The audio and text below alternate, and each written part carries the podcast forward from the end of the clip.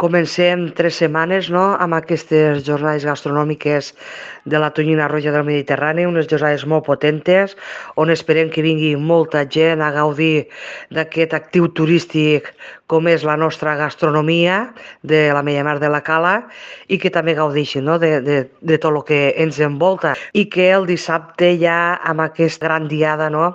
de la tonyina roja, el port pesquer, amb degustacions d'aquest producte estrella que tenim per tal de promocionar i sempre bueno, acompanyada no? pues amb, la, amb la música en directe per poder gaudir amb la família i amics.